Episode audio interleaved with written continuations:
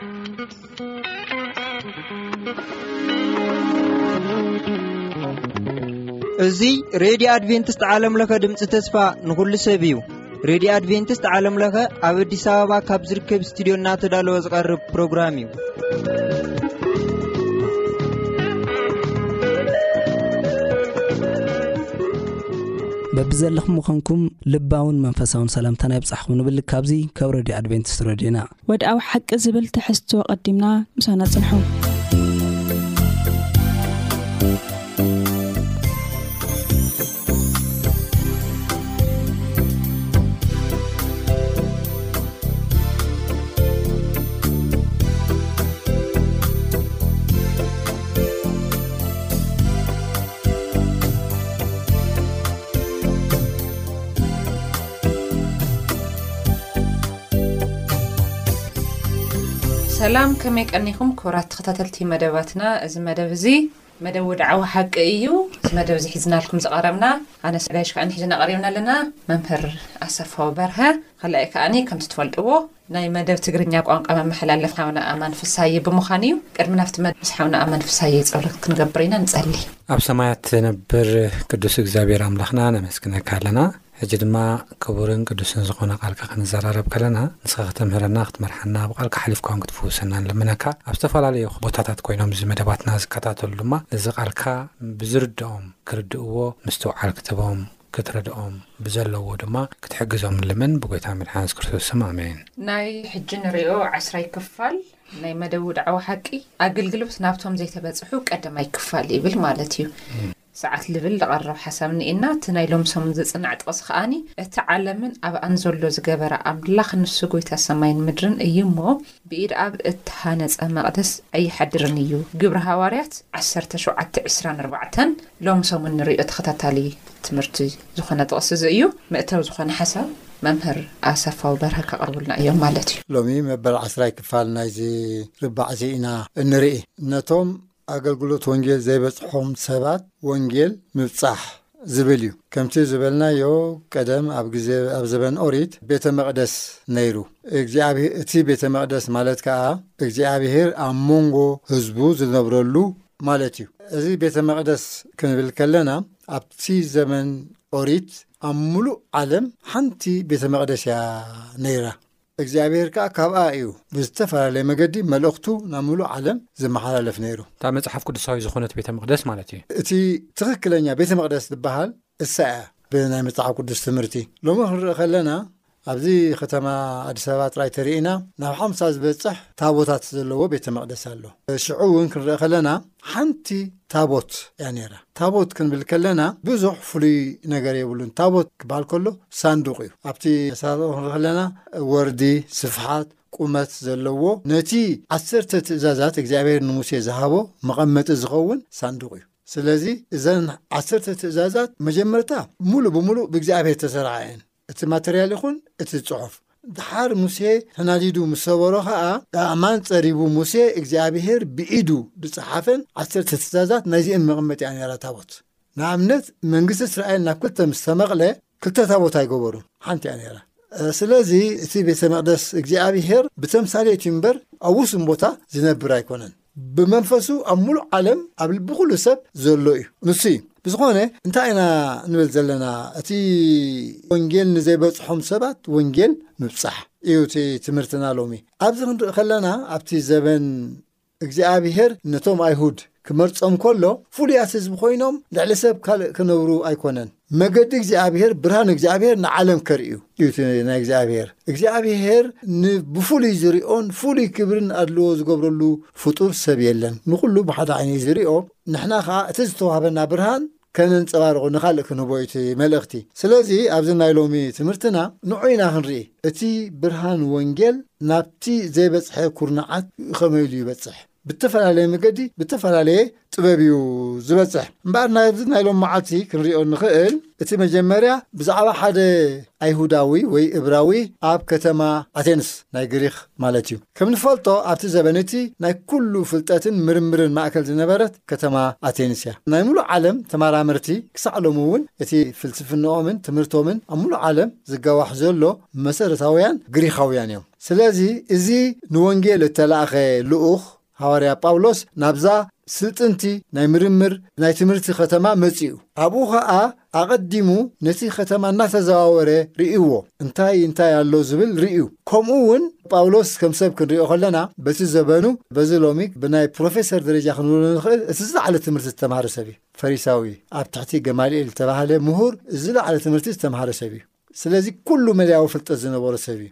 ሐዚ ናብዚ ከተማ ኣቴንስ ናብ ግሪኽ ክመጽእ ከሎ ብዛዕባ እቶም ቅድሚኡ ዝነበሩ ተመራመርቲ ግሪኻውያን ዝኾነ ሓሳብ ኣብ እምርኡ ሒዙ እዩ መጽዩ። ስለዚ ነዞም ኣብ ኣርዮስፋጎስ ዝተባህለ ናይ ምርምር ኣዳራሽ ዝርከቡ ሰባት ቅድሚ ናብኦም ምምጽኡ ብዛዕባ እቶም ጥንታውያን ግሪኻውያን ትምህርትን ብዛዕባ ኣብቲ ኩነታት ዘሎ ኩነታትን ርእዩ እዩ መፅዩ ሕዚ ኣብዚ ታሽማ ክንገልፆ ኢና ንዘይተፈልጠ ኣምላኽ ዝብል ኣገልግሎት ርእዩ እዚኣ ከም መእተዊ ተጠቒሙላ ብሓቂ ንምዝራብ ከዓ ነቲ ዘይተፈልጠ ዘምልኽዎ ንብሩ ኣምላኽ ኣፍሊጥዎም ተፈጣሪ ምዃኑ ካብታ ድሕረ ባይትኦም ካብታ ቦትኦም ተበጊሱ ዓብዪ ምስጢር ወንጌል ገሊጹሎም ነዞም ምሁራት ተመራመርቲ ነዞም ፈለስፋታት ብዝኾነ ይኹን ግን ኣብዚ እውን ሓደ ክንጠቕሶ ኢና ሰለስተ ጉጅለ ሰባት ነይሮም ካብቶም ጳውሎስ ዘምሃሮም ነዚ ትምህርቲ ዝነጸግዎ ነይሮም ኖ ብዛዕባ እዝስ ተወሳኺ ክንሰምዕ እንደለለና ዝብሉ እውን ነይሮም ዝተቕበልዎ ከዓ ነይሮም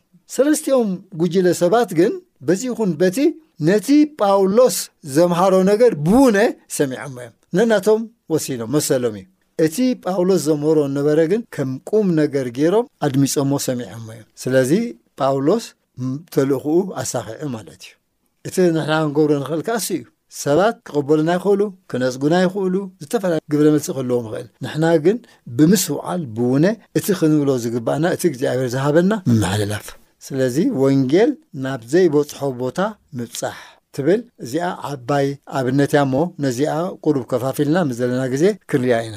ዝቕጽል ሓሳብ ሓውና ኣማን ከቕርበልና እዩ።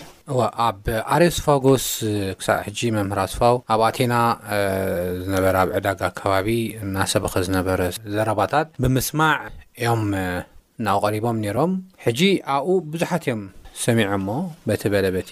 ሕጂ ሓድሓዲኦም እቶም ክንሰምዕ ኣለና ዝበልዎ ናብቲ ኣዳራሽ ወሲዶም ኣብኣ ብጣዕሚ ደስ ዝብለንሲ ብዘይ ሓድሽ ነገር ምስማዕ ምንም ስራሕ ዘይብሎም ሰባት በቃ ሓድሽ ነገር ጥራሕ ተመጽዩ ምስማዕ ሓድሽ ነገር ጥራሕ ሓድሽ ነገር ተደይ ኮይኑ ግን ሪጀክት ምግባር which is ሓድሽ ነገር ናይ ምስማዕሲ ሃንቀውታ ዘለዎም ስኢልካ ወልፊ ዘለዎም ሰባት እዮም ነይሮም ማለት እዩ እምበር ኣይ ቲንክ ንክቐበልዎ ኢሎም እውን ኣይኮነ እንታይ እዩ ንምፍልሳፍ እዩ እቲ ዋና ዓላምኡ ማለት እዩ ብዝኾነ ናብ ናይ ሰሉስን ናብ ናይ ረቡዕን እዚ መምህር ኣስፋው ብደንቢ ጌሮም ስለ ዝገለጽዎ ናብቲ ናይ ሰሉስን ናይ ረቡዕን ክመጽእ ከለኹ ወይ ድማ ናይ ሰሉስ ጥራሕ ሓሳብ ክህብ ከለኹ እንታይ ዝብል ሓሳብ እዩ ዘሎ። ጳውሎስ ግና ኣብ ማእከል ኣርዮስፋጎስ ደው ኢሉ በለ። ደሓር ወሲዶሞ ናብቲ ኣርዮስፋጎስ ዝበሃል ኣዳራሽ ወሲዶሞስ ክስምዓና እንታይ ኢኻ ትብል ዘለኻ ኢሎሞ። ኣቱም ሰብ ኣቴና ብኹሉ ነገር ምምላኽ ኣማልኽቲ ከም እተብዝሑ እርእየኩም ኣሎኹ። ሕጂ ናብዚ ዝወሰዶ ነገር እንታይ እያ? እንታይ ዓይነት ነገር እዩ ናብኣ ወሲዳቶ? እንታይ ዓይነት ቃል እያ ወሲዳቶ ክንብል ከለና ብዛዕባ ትንሳኤ ሙታን እዩ። ሙታን ክትንስኡ እዮም፣ ክርስቶስ ተንሲኡ እዩ ዝብል ምስ በለ ኣብ ኣርዮስፋጎስ ኣዘራርባ ብዛዕባ ትንሳኤ ሙታን፣ ክርስቶስ ከም ዝተንስአ፣ ገለ መለታት ዝብል ሕልሚ እዩ ኣብኦም ኣይንገርን እዩ ነይሩ። እዚኣ እያ ናብኦም እትያቶ። ደሓር እዝኖም ምስ ከፈትሉ፣ ኣብቲ ኣዳራሽ ወሲዶም ምስማዕ ምስ ጀመሩ እንታይ ኢሎም፣ ኣማልኽቲ ከም እተብዝሑ ብዅሉ ነገር እርእየኩም ኣለኹ። እናዘርኩ መቕደስኩም ክርኢ ከለኹ እውን ንዘይተፈልጠ ኣምላኽ ዝብል እተጻሕፎ መሰውኢ ረኸብኩ። እምበኣርሲ እዚ ኸይፈለጥኩም እተምልኽዎ ዘለኹም ንኡ ኣነ ኽነግረኩም እየ ክብሎም ከሎ ኢና ንርኢ። ብጣዕሚ ዝገርም ጥበብ ብዝተመልኦ። እዚ ቅድም ኢሎም መምህር ኣስፋውን ገሊጾሞ እዮም። ኣብ እግሪ ገማልያል ብምምሃሩ ናይ ግሪክ ጥበብ። ኣዘራርባ ክእለት፣ ምስ ፈላስፋ ከመይ ጌርካ ኢኻ ትዘራረብ፣ ምስ ትሕት ዝበለ ዘይተማህረ ሕብረተሰብ ድማ ከመይ ጌርካ ኢኻ ትዘራረብ ብዝብል ኩሉ ተለማሚድዎ ስለ ዝነበረ ብጥበብ ከም ተዛረቡ ኢና ንርኢ። ኣብዚ ቃል እዚ እንታይ ኢና ጥበብ እንርኢ? ንሶም እኮ ንዘይተፈልጠ ኣምላኽ ኢሎም ዘምልኽዎ ዝነበሩ እኮ ጣኦት እዩ፣ ሓቀኛ ኣምላኽ ኣይኮነን። ብዝኾነ በቲ በለ በቲ ግን የምልኹ ነይሮም እዮም። ንዘይፈልጥዎ ኣምላኽ ምምላኽ ከም ዘለዎም ተረዲኦም የምልኹ ነይሮም እዮም። ደሓር ጳውሎስ እንታይ ኢልዎም? እዚ ሓሶት እዩ ኢሉ ሪጀክት ክገብሮም ኣይደለየን። በቃ እዚ ጌጋ እዩ፣ እስኹም ጣኦት ተምልኹ ኣለኹም፣ እግዚኣብሄር ዶ ሩድ ብዝኾነ ዘረባ ኣይመጾምን እዚ ከይፈለጥኩሞ ተምልኽዎ ዘለኹም ኣምላኽ ኣነ ከፍልጠኩም ኣነ ፈልጦ እየ እሞ ከፍልጠኩም ኢሊ which is more ልቦም ክኸፍቱ more ኣእምሮም ክኸፍቱ ከም ዝገበረ ኢና ንርኢ ኢንፋክት ካብዚ ንሕና ውን ወንጌል ኣብ ንዓየሉ እዋን ወንጌል ኣብ ንሰርሓሉ እዋን ጥበብ ክንመሃር ከለና ከም ዘለና ዘርኢ እዩ ማለት እዩ ስለዚ ነቲ ናይቶም ሰብኣቴና መነባብሮ ኣኽብሮቱ እዩ ዝገለጸ እምበር ክኢላን ፈላጥን ነቲ ክዕልዎ ዝኽእሉ ኩሉ ሕቶታት መልሲ ዘለዎ እኳ እንተነበረ ኤቭሪቲንግ ነይርዎ እዩ ሃንደፍ ኢሉ ግን ከም ሓደ ክኢላን ፈላጥን ኣይቀረቦምን ብጣዕሚ ዝገርም ነገር እዩ ብዝኾነ ኣብዚ ኣኼባ እዚ ዘላ ሓሳብ እንታይ እያ እንተ ኢልኩም ብዛዕባ ንዘይተፈልጣ ኣማልኽቲ ወይ ድማ ብዛዕባ ዘይተፈልጢ ኣማልኽቲ ዝብል መእተዊት ክትኮኖ እትኽእልን ሓሳባቱ ናብኣ እዩ ኣትዩ ከምቲ ቅድም ኢለ ዝበልክዎ ማለት እዩ ተገዳስነቶም ስለ ዝረኣየ ድማ ብኣወንታ እዩ ዝርእይዎ ስለዚ ነቲ ጳውሎስ ዘገደሶስ መንፈስ ቅዱስ ክሰርሓሉ ዝኸእል ባይታ ብምህላው እዩ። ስለዚ ጳውሎስ ንተገዳስነቶም ብዝያዳ ክቐስቀስ ከምቲ ቀድም ኢለ ዝበልኩዎ ዝኸእል ነጥቢ ረኺቡ ብኣ ከም ተዛረበ ብኣ ከም ዝቐጸለ ኢና ንርኢ። ስለዚ ንሕና እውን ዋና ተገዳስነት ናይ ሰብ እንረኽበሉ ጥበብ ኣዘራርባን ብምጥቃም ክንከይድ እዩ ዘለና ዝብል እዩ ሓንሳብ ዝህቦ። ኣብ ናይ ረቡዕ ኬድና ክንርኢ ከለና ከኣኒ ተወሳኺ ሓሳብ መምህር ኣስፋው ከቕርብልና እዮም። ሓድሽ ኣምላኽ ከመይ ገይሩ ኢዩ ኣፋሊጥዎም? እንታይ ዓይነት መንገዲ ኢዩ ተጠቒሙ ዝብል። እቲ ቃላት ኢና ነወሳስኾ ዘለና እምበር እቲ ቁም ነገር እሱ ዝተባህለ ኢዩ። እቲ ሓድሽ ሓሳብ እዞም ሰባት እዚኦም ንኻልእ ግዜ ኣይነበሮምን። ነቲ በብእዋኑ ዝለዓል ዝነበረ ሓደሽቲ ፍልስፍናታት ምስማዕን ምግምጋምን እቲ ቀንዲ ስርሖም ነይሩ። ጳውሎስ ብቐጥታ ክንሪኦ ከለና እውን ምስቲ ናታቶም ተገዳስነት ዝኸይድ ነገር ኣይነበረን እቲ ዝሓዞ። ኣብቲ ናይ ግሪኽ ያታ ኣብቲ ናይ ግሪኽ ባህሊ ኣይነበረን፣ ግን በቲ ዝነበሮም ናይ ምርምርን ናይ ፍልጠትን ደረጃ ካብኡ ተበጊሱ ሓድሽ ኣምላኽ ኣፍሊጥዎ እዚ ኣምላኽ እዚ ሰብ ቀቲሎሞ ሞይቱ ካብ ምዉታት ከም ዝተንስአ ሕዚ ነዞም ሰባት እዚኦም ሓንቲ ከተገድሶም ትኽእል ትንሳኤ ምዉታት ካብ ምዉታት ዝተንስአ ሓይሊ ከም ዘሎ ኣብቲ ግዜኦም ኣምሂርዎም ስለዚ በቲ ንሳቶም ዝስዕብዎን ዝኽተልዎን ነበሩ ፍልስፍና ብምግባር ናብቲ ሓቂ መሪሕዎም ስለዚ እግዚኣብሔር ከም ዘሎ ከምቲ ዝበልኩኹም እቲ ኣቀባብላ ካብ ሰብ ናብ ሰብ ክፈላለ ይኽእል እዩ። ኩሎም ይኹኑ ዝነጸግዎ ይኹኑ ዝተቐበልዎ ይኹኑ ግን ብውነ ሰሚዖሞ እዮም። እቲ ዝብሎ ዘሎ ሰሚዖሞ እዮም። ዋእ እዝስ እኹል ኣይኮነን ተወሳኺ ክንሰምዕ ንደሊ ኣለና ዝበሉ ኣለዉ። ተቐቢሎም ዝኣመኑ ኸዓ ኣለዉ። ስለዚ እዚኦም በቲ ናይቲ ዘበን ዝነበሩ ኤሊት እንብሎም ልዑል ደረጃ ብትምህርቲ ዝነበሮም ሰባት እዮም። ሃዋርያ ጳውሎስ ከኣ ንዕኦም ኣብጽሒሎም። ስለዚ ካብዚ ንሕና ክንወስዶ ንኽእል ትምህርቲ እንታይ እዩ? ንሕና ከም ሰባት ናይ ፍልጠት ደረጃና፣ ናይ ክእለት ደረጃና ክብ ለጠቕ ክብል ይኽእል ይኸውን። ካባና ዝበልጹ ሰባት ክህልዉ ይኽእሉ፣ ካባና ዝተሕቱ ሰባት ክህልዉ ይኽእኑ፣ ምስታና ተመጣጣኒ ፍልጠት ዘለዎም ሰባት እውን ክህልዉ ይኽእሉ። እቲ ኣገዳሲ ነገር ግን ናይቶም ሰባት ናይ ፍልጠት ደረጃ ኣይኮነን። እወ ንዕኡ ክንፈልጥ ይግብኣና እዩ፣ ንመን በየናይ ደረጃ ንበጽሖ ከነስተውዕል ይግብኣና እዩ። እዚ ኸኣ ነቲ እግዚኣብሄር ብኣና ዝገብሮ ኣገልግሎት መሳርሒ ምዃን እዩ። ምሉእ ብምሉእ ናብ እግዚኣብሄር ምውራድ፣ ኣነ እፈልጥ፣ ኣነ እኽእል ኢልካ ነቲ ካልእ ሰብ ብዝኾነ ይኹን ነገር ምንእኣስ ምንም ጥቕሚ የብሉን። እምነቱ ኮንቱ ከም ዝኾነ ብላሽ ከም ዝኾነ ኣቐዲምካ ተነጊርካዮ ኣብቂዑ ስለዚ ነቲ ሰብቲ ከም ሰብ ተኽብሮ ነተሓሳስብኡ ተኽብር ብድሕሪ እዚ በብደረጃ ናብቲ ክመጾ እግብኦ እዩ ትብሎን እግዚኣብሔር ዝገለጸልካ ሓቅን ከተምጽኦ ትኽእል ስለዚ እቲ ቀራርባና ሃንደበት ኣግሬሲቭ ናህና ልዕልና ናህና ፍልጠት ናህና ክእለት ከርኢ ዝፍትን ክኸውን ኣይግብኦን እዩ እሱ ከም ዘለዎ ኮይኑ ነቶም ሰባት ከም ሰባት ኣኽቢርና ንደረጃኦም ንኹሉ ኣኽቢርና ብትሕትና ክንቀርቦም ከም ዘለና እዩ። በዚ እዩ ጳውሎስ ኣብ ኣቴና ዝተዓወተ። ብርግጽ ክንርኢ ከለና ኣብዚ ኣቀራርብኡ ካብቲ ናይ ካልእ ከተማታት ፍልይ ዝበለ እዩ። ኣብ ንኣብነት ኣብተን ካልኦት ናይ ከተማታት ግሪኽ ክኸይድ ከሎ ብፍላይ ድሓር ነቶም ናይ ቆሮንቶስ ሰባት እውን ክጽሕፈሎም ከሎ ብፍልስፍና ኣይመጾምን። ብምምርምር ኣይመጾም እንታይ ኢልዎም እቲ ንኣይሁዳውያን መዓንቀፊ ንገሪኻውያን ከዓ ዕሽነት ዝኾነ መስቀል የሰቢኸ ኢሉ እዚ ከዓ ሰሊጥዎ እዩ ብዙሕ ሰብ ተኣሽሙ ገይሩ እዩ ኣብዚ ግን ኣብቲ ደረጃኦም ዝነበረ ኣብቲ ናይ ምርምር ኣብቲ ሳይንሶም ኣትዩ ነቲ ዕሽነት ናይ ወንጌል ገሊጹሎም ክቕበልዎ ከዓ ክኢሎም ስለዚ ብዝኾነ ብዝተፈላለየ መገዲ ንተፈላለዩ ማሕበረሰባት ጉጅለታት መልእኽቲ ከነብጽሕ ንኽእል ኢና። ንእግዚኣብሄር ጥበብ ንሓቶ፣ እታ ዋና ነገር ግን ንርእስና ኣዕቢና፣ ንእምነትና ኣዕቢና፣ ንትምህርትና ኣዕቢና ንኻልእ ከነነኣእስ የብልናን። ንሰብ ከነኽብሮ ኣለና። እቲ ዘድሕን እግዚኣብሄር እዩ። እቲ ንዓና ዝገለጸልና ንዖም እውን ገጸሎም ስለ ዝኽእል ንሕና ፍሉያት ሰባት ምዃንና ዝብል ኣምር ክህልውና ይግብኦን ንሱ ኸኣ ከነንጸባርቕ ኣይግብኣናን እዩ። ንሕና ከም ኩሉ ሰብ ሰብ ኢና እግዚኣብሔር ገሊጹልና እቲ እግዚኣብሔር ዝገልጸልና ኸ ብትሕትናን ብኣኽብሮትን ናብ ካልኦት ሰባት ከነመሓላልፎ ይግብኣና እዚ እዩ ካብቲ ናይ ጳውሎስ ተመክሮ ኣብ ኣቴና ኣብ ኣሬስፋጎስ ካብ መጀመርታ ክሳዕ መጠርሳ ዝገበሮ ክንመሃሮ ንኽእል ትምህርቲ ማለት እዩ እወ ጽቡቕ ሓሳብ መምህር ኣስፋው መጨረሻ ናይ ሓሙስ ሓሳብ ሓውና ኣማን ክቐርበልና እዩ ሕራይ ቅድሚ ኢሉ ከም ዝተባህለ እዩ እቲ ሓሳብ እናተደጋገመ እዩ ዘሎ መጀመርያ እቲ ሓሳብ ከንብቦ ጳውሎስ ግና ኣብ ማእከል ኣሬስፋጎስ ደው ኢሉ በለ፣ ኣቱም ሰብ ኣቴና፣ ብዅሉ ነገር ምምላኽ ኣማልኽቲ ኸም እተብዝሑ ርእየኩም ኣለኹ። እናዞርኩ መቕደስኩም ክርኢ ኸለኹ ኸኣ ንዘይተፈልጠ ኣምላኽ ዝብል እተጻሕፈ መሰውኢ ረኸብኩ። እምበኣርሲ እዚ ኸይፈለጥኩም እተምልኽዎ ዘለኹም ንእኡ ኣነ እነግረኩም ኣለኹ። ነቲ ዓለምን ኣብኣ ዘሎ ዝገበረ ኣምላኽ፣ ንሱ ጐይታና ሰማይን ምድርን እዩ እሞ፣ ብኢድ ሰብ ኣብ እተሃንጸ መቕደስ ኣይሓድርን እዩ። ንሱ ህይወትን እስትንፋስን ኵሉ ነገርን ንዅሉ እዩ ዚህብ፣ ገለ ኸም ዝጨንቆ እኳ ኢድ ሰብ ኣየገልግሎን እዩ። ካብቶም ተቓናይቲኹም ድማ ሓያሎ ንሕና ካብ ዓሌት ኣምላኽ ኢና ኢሎም ከም ዘለዉ፣ ብኡ ኢና እንነብርን እንወሳወስን፣ ብኡ ኸኣ ኢና ዘሎና እሞ፣ ንሱ ሓደ ሰብ ኣብ ርእሲ ዅላ ምድሪ ኺነብሩ ዅሉ ዓሌት ሰብ ፈጠረ። ንሱ ኻብ ነፍሲ ወከፍና ዘይረሓቐ ኽነሱስ፣ ምናልባሽ ሃሰስ ኢሎም እንተ ረኸብዎ፣ ኣምላኽ ምእንቲ ኺደልዩ፣ ንመናበሪኦም ድማ ውሱን ዘመናትን ድቡብ ደረትን ሓገገሎም። እምበኣርከ ዓሌት ኣምላኽ ካብ ኰንናስ፣ ኣምላኽ ነቲ ብናይ ሰብ ብልሓትን ሓሳብን እተገብረ ቕርጺ ወርቅን ብሩርን ወይ እምንን ከም ዚመስል ክንሓስቦ ኣይግብኣናን እዩ።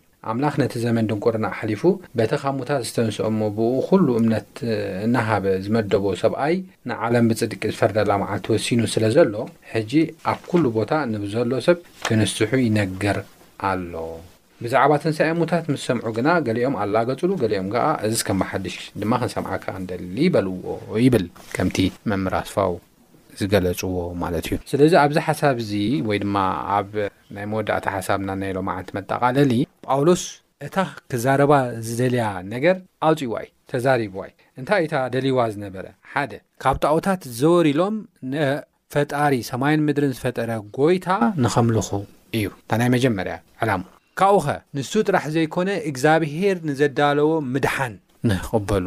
እዚኣ እተን ዕላማታቱ እዚኤን እየን ነይረን። ሳልሳይ ድማ ውዱብ ዝተወደበ ወይ ድማ ዝተገደበ ዕድመ ተዋሂብልኩም ኣሎ እሞ ናይ ንስሓ መዓልትኹም ሕጂ እያ ተጠቀሙላ ዝብል መልእኽቲ እየን ነይረን ናይ ጳውሎስ መልእኽቲ። እዚኤን ሰለስቲኤን ብጥበብ ኣሕሊፍወን እዩ። ነዘን ሰለስተ ክሳብ ዝሰምዑ ኸዓ ተዓጊሶም ሰሚዖሞ እዮም እና ኣብዚ ክንምሃሮ ዘለና ወይ ድማ ክንሪኦ ዘለና ነገር ተሃለወ እንታይ እዩ ጥበብ ኣብ ወንጌልና ክንጥቀም ከም ዘለና እዩ ካልኣይ ኣብ ብካልእ ኣባላ ከምቲ ኢለ ቅድም ኢለ ዝበልኩ ብናእዳ ክንጅምር ኣለና ብኣወንታዊ ጎኖም ክንጅምር ኣለና እቲ ካልኣይ ድማ ቀፂሉ ድማ ነቲ እምነቶም ከም ዘፅንዐን ኣብዚ ድማ ፅቡቅ ነገራት ከም እተዓዘበን እዩ ዝገልፀሎም እቲ ሳልሳይ ነጥቢ ድማ ብድሕርዚ ድማ ብዛዕባ ሓደ ኣብ እምነቶም ዘይፈለጥዎን ዘይበጽሕዎን ክርድእዎ ዘይክእሉ ነገር ከም ዘሎ ልዕሊ ኣእምሮኦም ከም ዝኾነ እዩ ገሊጽሎም። እቲ ራብዓይ ድማ እዚ ምስ በሉ ድማ ከይፈለጥዎ ዝደለይዎን ክፈልጥዎ ዝግብኦምን እግዝኣብሄር ዝሓልየሎም ከም ዝኾነ ርሑቕ ድማ ከም ዘይኮነ እዩ ኣረዲኦም። ስለዚ ጳውሎስ ነቲ ገና ዘይፈለጥዎ ፈጣሪ እግዝኣብሄር ምንጻግ ጽቡቕ ከም ዘይኮነ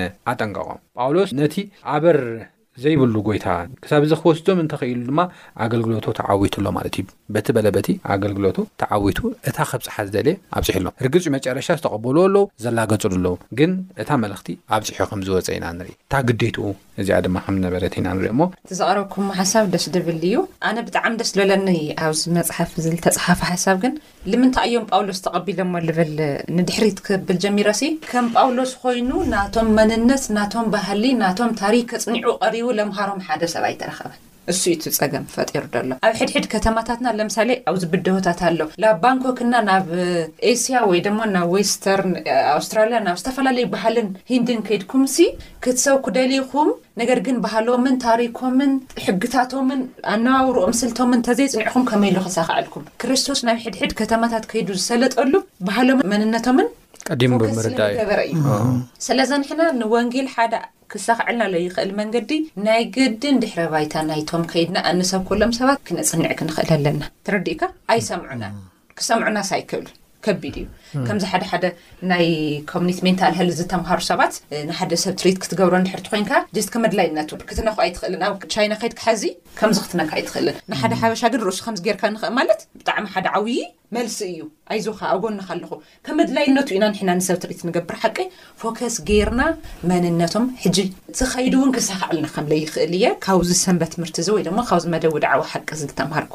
ታይ ጌሩ ከም በልኩም ኣርባዕተ ነጥብታት ኣገደስቲ ስራሕ ምስ ሰረሐ እዩ ተወቒዑ። ጳውሎስ መጀመርታ ነቲ ህልው እዋናዊ መንፈሳውነቶምን ዕቤቶምን እዩ ዝነኣደ። ባይ ዘ ዌይ እዚ ሓድሽ ነገር ምድላዮም ኣብኣ እዩ እግዚኣብሔር መንገዲ ተጠቒሙ።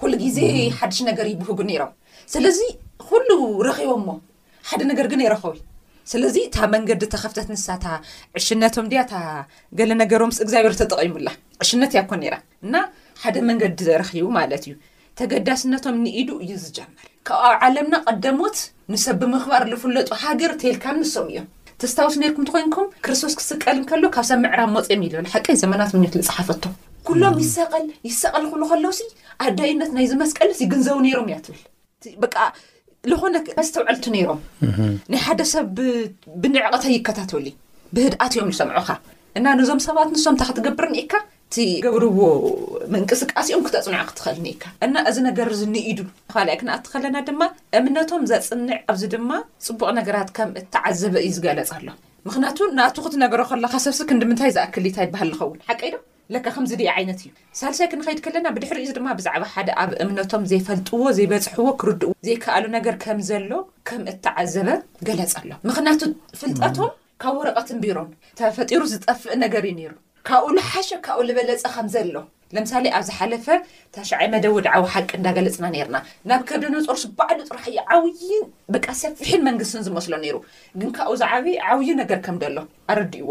እዚኦም ከኣ ንዕቤቱ ክግለጽ ደይክእል ካብ ሞት ዝተንሰኣ ናይ ስጋ መንነት ዝለበሰ የሱስ ከም ደሎ ብደንቢ ገሊጹ ኣሎ። ማለት ትርዲኢቶም እንዳ ነጻጸረ እዩ ተዛሪቡ።